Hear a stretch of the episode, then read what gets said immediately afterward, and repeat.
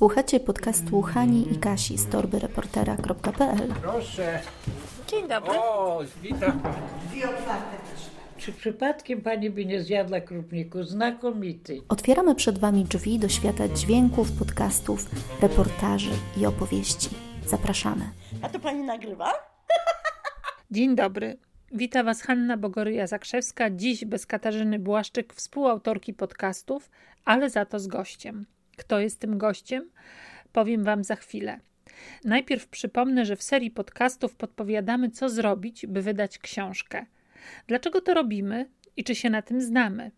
Otóż ja i Kasia pracujemy w Polskim Radiu i przygotowujemy reportaże od wielu lat dla radiowej jedynki, trójki, czwórki. Od jesieni 2018 roku mamy bloga eksperckiego torbareportera.pl, bloga, który dotyczy przede wszystkim reportażu, storytellingu i tego, jak zaistnieć w mediach. A 5 czerwca tego roku wydawnictwo Znak wyda książkę, którą napisałam razem z Kasią. Książkę zatytułowaną Zdarzyło się naprawdę opowieści reporterskie.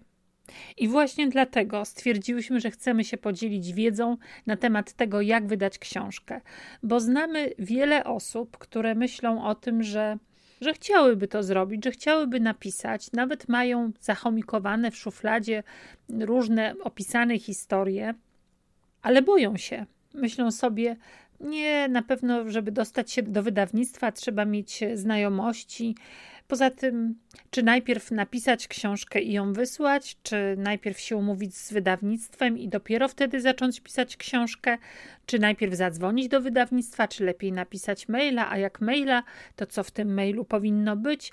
Takie pytania stawia sobie na pewno wiele osób. Myśmy też sobie te pytania zadawały.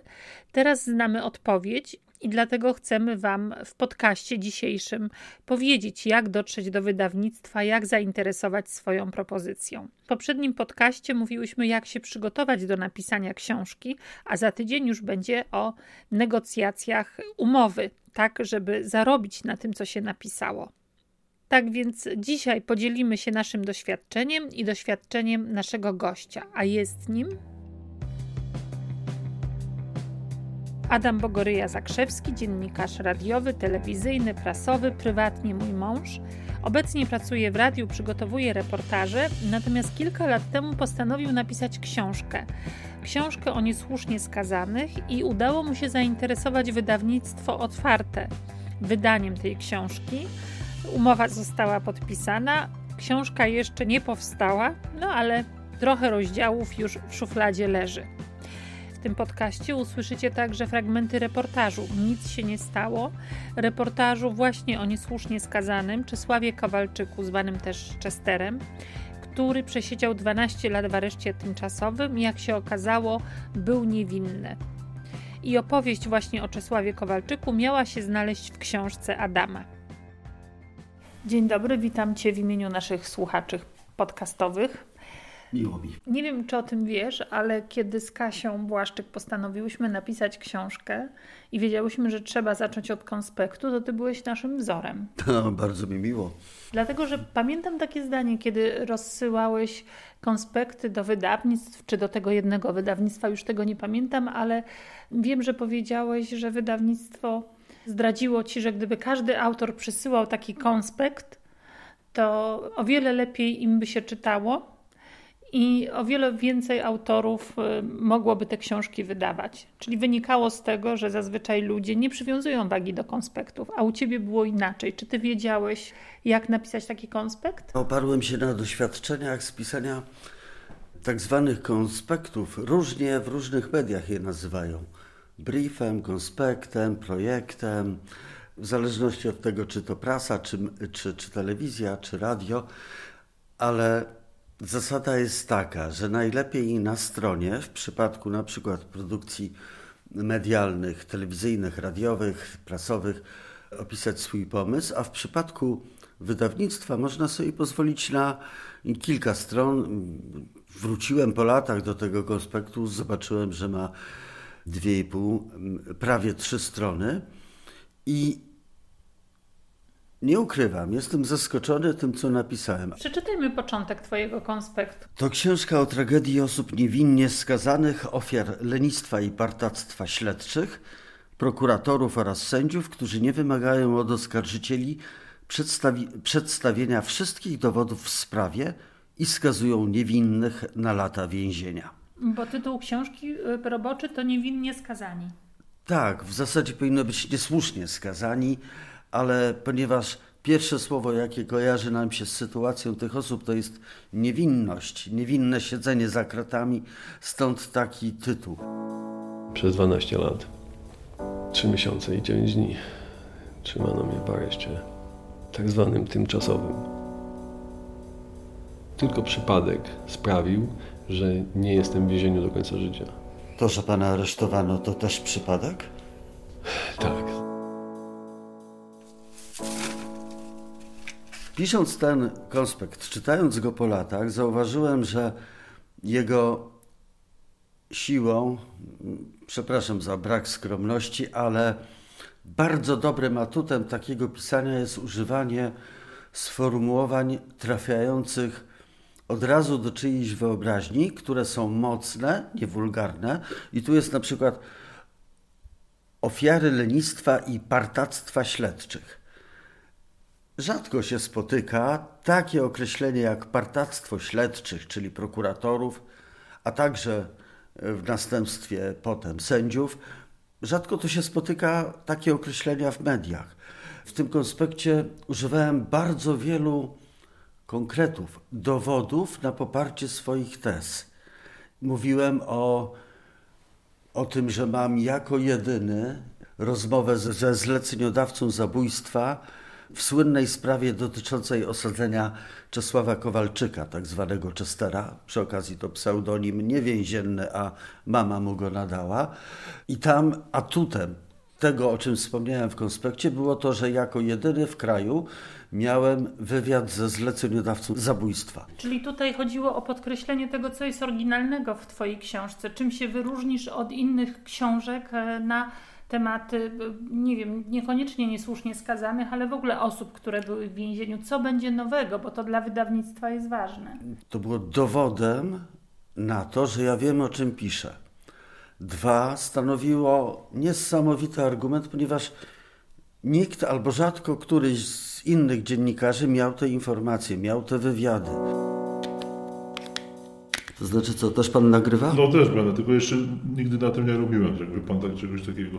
Pan za to zlecenie morderstwa trafił do więzienia? Tak. Już pan odsiedział wyrok? Znaczy w roku nie odsiedziałem, bo siedziałem 12 lat i 5 miesięcy. No aktualnie mi uchylono na stan zdrowia, A na co pan choruje? e, serce. To też jest ważne, że, że gdy się bierzesz za cokolwiek, za pisanie książki o jakiejś historii, to wydaje mi się, że warto, żeby ona ku czemuś sensownemu zmierzała, żeby, żeby wydawca, Miała jakąś wartość, prawda? ale mało, żeby wydawca, żeby powiedzieć tobie tak, on musi się zorientować, że ty wiesz o co chodzi i jaką dodatkową treść wniesie twoja książka. Poprzez opisywaną daną historię, czy, czy historię kilku osób. Książka pokaże sytuację kilku niewinnie skazanych oraz osób, które zdaniem prawników trafiły za kraty na skutek niedbalstwa śledczych i sędziów. Ci nie ponoszą żadnych konsekwencji z powodu niesłusznego oskarżenia i skazania. Tu jest dojście do puenty, pokazanie systemu i osób w nim istniejących, które doprowadzają do tragedii tych, tych niesłusznie skazanych. Tu przeczytaliśmy początek konspektu, ale później y, u Ciebie jest rozwinięcie. Książkę chcesz oprzeć na kilku historiach. Między innymi Adama z Warszawy, Czesława Kowalczyka, czyli Czestera i Zbigniewa Góry. I w każdym przypadku w konspekcie pokazuje to, co jest najistotniejszego dla ich historii. Adam z Warszawy, za którym stanęła, stanęło wielu prawników, między innymi sędzia, o czym tutaj pisze mm, znana, słynna sędzia, która powiedziała, mieli wsadzić Adama z Warszawy i wsadzili Adama, tylko nie tego. Podkreśliłem, że o czym chcę napisać nie jest wyssane z palca, a poparte autorytetami. uwypuklam bardzo ciekawe wątki. W przypadku Adama z Warszawy syndrom Penelopy, kobiety, która wychodzi za skazanego, jeszcze wtedy podejrzewanego, wychodzi za niego za mąż i przez kilkanaście lat, co dwa tygodnie regularnie jeździ do niego. W następnych wątkach bardzo uwypuklam e, Czesława Kowalczyka i Zbigniewa Góry wątek dziecka, utraty ich, rozsypania się rodziny z powodu tej prywaty bezduszności prawników. Pokazujesz, że losy tych trzech bohaterów e, będą niby podobne, ale jednocześnie różne i z każdej, każda z nich jest po prostu ciekawa, że chce już się słuchać, co się tym ludziom przydarzyło. Wybrałeś takie wątki, które powodują, że chce się tę książkę przeczytać. Tak, bo są pomieszane, są wplecione wątki osobiste, bardzo ważne, tragiczne, ale wszystkie łączy jedna klamra. Stronniczość, lenistwo, prywata tych prokuratorów i tych sędziów, którym, no powiedzmy, nie chciało się przyłożyć porządnie do roboty i oskarżyli i skazali. Jak y, rozmawiam z synem, to on mówi, wybacz stary, ale no, dla mnie to jesteś obcy facet i przez 10 lat cię nienawidziłem. Kiedy tylko myślę o tobie, to myślę jako o człowieku, którego nie znam i który mnie nie kocha. Dla mnie jest, jest cały czas dzieckiem i waży powiedzmy 10 kilo i zasypia mi na klacie a jest teraz dorosłym człowiekiem, ma 18 lat i w jakiś sposób y, wypaczoną świadomość o, o, o mnie. I jak mi powiedział, głupia sprawa, stary, ale ja cię nie znam. No i najgorsze to, że w jakiś sposób y, już zbytnio to się nie stara, żeby mnie poznać. Nie chcę tego wszystkiego od nowa przeżywać. Ale wie, że pan jest uniewinniony. No ale to nic nie zmieniło. Wie, że jestem uniewinniony, ale wie też, że nie byłem przy nim, jak pierwszy raz poszedł do szkoły. Uczył się je, jeździć rowerem. Nie było mnie wtedy, kiedy potrzebował. A czy pamiętasz, jak napisałeś ten konspekt? Czy wysyłałeś go do konkretnego wydawcy, czy dopytywałeś się, do kogo warto wysłać? Ja trafiłem do szefa wydawnictwa. To może rozmawiałeś być... z nim najpierw przez telefon? Z nim albo y, z szefem redakcji, pytając tylko, mówiąc o swoim pomyśle i komu powinienem wysłać konspekt. I co powinienem zrobić? I usłyszałem, a to proszę napisać konspekt. I napisałem. I proces podejmowania decyzji przez wydawnictwo jest długi. Oni sami byli zaskoczeni tym tempem mojego działania, bo ja chciałem już tam, załóżmy po trzech dniach czy, czy tygodniu znać odpowiedź, a potem szybko podpisać umowę, a podpisanie umowy trwało chyba kilka miesięcy. Na pewno jeszcze wysyłałeś CV swoje dosie, prawda? Kim jesteś? Bo to dobrze robi. Wysyłałem te informacje o tym, co dotychczas udało się osiągnąć, bo to bardzo pomagało. To się akurat zbiegło licznymi publikacjami na temat niesłusznie skazanych w Polsce. Ja myślę, że pomogło także to, że dostaliśmy za reportaż radiowy. Nic się nie stało. Nagrodę Krajowej e, Rady Radiofonii i Telewizji to był 2012 rok. Ty sobie przypomniałam, odświeżyłam pamięć. I to też dobrze robi, jeśli e, no możemy czymś takim się pochwalić. Ja wiem, że wydawca przy okazji naszej książki w pewnym momencie napisał, żebyśmy przeformułowały swoje biogramy i nie były skromne. No tak, bo to dobrze robi książce. Ten twórca nie wziął się znikąd, a rzeczywiście jest osobą uznaną, nagradzaną, a w związku z tym widz i wydawca też ma pewność, że to będzie porządnie zrobione i przez osobę, która już ma porządny dorobek. Ty nawet chyba nie widziałeś nigdy konspektu książki reporterskiej, który wysłałyśmy konspekt y, właśnie do wydawnictwa i dzięki temu Nasza książka już za chwilę będzie miała premierę 5 czerwca. Właśnie wzorując się na Twoim konspekcie to zrobiłyśmy, bo nie wiedziałyśmy kompletnie od czego zacząć mamy. Zaczęłyśmy od tytułu. Miał być roboczy, ale właściwie taki został już na stałe. Zdarzyło się naprawdę opowieści reporterskie. Myśmy proponowały opowieści radiowych reportażystek, ale, ale to są opowieści reporterskie teraz. Przeczytam pierwsze zdanie z kolei ja z naszego konspektu. Wiele osób pyta, czy w dzisiejszym świecie zdominowanym przez newsy, maile, smsy, lajki, robienie reportaży, których długość wynosi od 8 do 30 minut ma sens. Czy nie jest to gatunek wymierający? Od początku naszej pracy w radiu słyszymy o śmierci reportażu, a jednak ciągle ma się dobrze, jest obecny w radiu, prasie i telewizji. Dlaczego? Bo reportaż to opowiadanie ciekawych historii w atrakcyjny sposób i każdy z nas tego potrzebuje. I jest to książka też dla tych, którzy lubią niesamowite historie, ale również dla uczniów i studentów zainteresowanych dziennikarstwem. Czyli jak gdyby od razu też już mówimy, dla kogo ma być ta książka, i w trakcie umieszczamy też informacje, że na podstawie naszych reportaży powstały później chociażby filmy fabularne, tak jak w przypadku reportażu mojego i Twojego Szlaufy, kiedy powstał film fabularny Kasi Rosłaniec, Galerianki. Mhm. A najpierw był nasz reportaż, czyli pokazałyśmy w tym konspekcie, jak ważne i ciekawe historie chcemy opowiedzieć, które już zainteresowały no, ogromną liczbę osób a teraz po prostu chcemy je przenieść na papier. Przy czym od razu zaznaczyłyśmy, zaraz ty powiesz, jakie ty masz uwagi, że to nie będzie spisanie wersji radiowej, że każdy reportaż radiowy zostanie zapisany na nowo, zgodnie z zasadami literackimi i że każdy rozdział będzie zawierał dwa reportaże dotykającego podobnego problemu, ale zostanie ujęty inaczej przez dwie różne autorki. Po czym następuje właśnie to, co ty zrobiłeś w przypadku historii tych e, swoich trzech bohaterów, krótki opis, o czym jest nasz reportaż ale też najważniejsze i najciekawsze rzeczy, takie, żeby od razu chwyciły, żeby chciało się o tym przeczytać. Tak, bo chodzi o to, żeby nie pisać że to jest umowne, czy napisz stronę, czy trzy, czy cztery, ale żeby nie rozpisywać się niepotrzebnie, bo, mm, a używać konkretów. I jeżeli przedłużać to pisanie, to tylko dlatego, że ma się coś bardzo ważnego do powiedzenia, bo inaczej wydawca zacznie wątpić w jakość Twojej roboty. A po takim konspekcie to on już wie, co Ty potrafisz. I taka była zresztą reakcja, że oni bardzo szybko powiedzieli, Okej, okay, wchodzimy w to.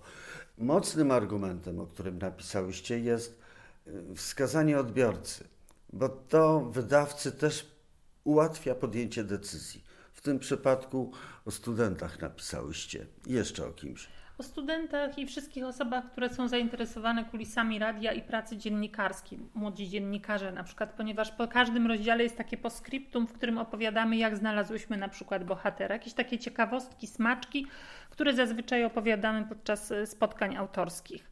Myśmy zaczęły w ten sposób, to pamiętam, że myśmy nie wiedziały, do którego wydawnictwa mamy się zgłosić i po prostu zrobiłyśmy sobie listę wydawnictw, które wydają książki reporterskie ponieważ widziałyśmy, że na przykład PWN no nie będzie zainteresowany naszą książką, czy wydawnictwo Helion, które się zajmuje podręcznikami. Myśmy wybrały te wydawnictwa, które się specjalizują w reportażu i do nich wysyłałyśmy naszą ofertę. I nie wiem, chyba wydawnictwo Znak odezwało się do nas dosyć szybko, bo po jakimś trzech tygodniach no, byliśmy w ogóle bardzo zadowolone, że oni akurat się do nas odezwali, bo sobie bardzo cenimy to wydawnictwo. Myśmy oczywiście dołączyły też e, swoje CV, kim jesteśmy, czym się zajmujemy na co dzień, że pracujemy dla e, radia, że robimy reportaże. I redaktor napisał do nas, że e, on zna nas z anteny i wie, że my naprawdę tworzymy ciekawe reportaże, ale on nie jest pewien, czy my umiemy pisać. Bo język pisany, język mówiony to są dwie różne rzeczy. I ma taką nieśmiałą prośbę, czy możemy mu przesłać próbkę, czyli jeden reportaż napisać.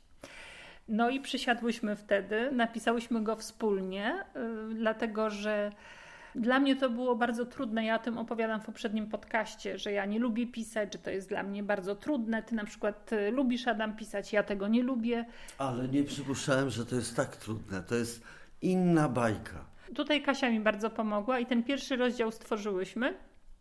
I wtedy wydawnictwo uwierzyło, że poradzimy sobie z tym zadaniem i że może w nas zainwestować. I wtedy przeszłyśmy już do negocjacji naszego wynagrodzenia, do negocjacji honorarium i o tym będzie następny odcinek podcastu. To też nie jest bajka i trzeba wiedzieć, dobrze się zorientować, do którego wydawnictwa zadzwonić i dobrze wiedzieć wcześniej, czego można się spodziewać. Tym momencie właśnie chciałam e, powiedzieć o czymś, wydaje mi się ważnym dla młodych autorów, którzy się zastanawiają, ale czy ja powinienem wysłać swój pomysł do wydawnictwa? Oni na pewno biorą tych najlepszych, tych najbardziej znanych, ja w ogóle nie mam szans.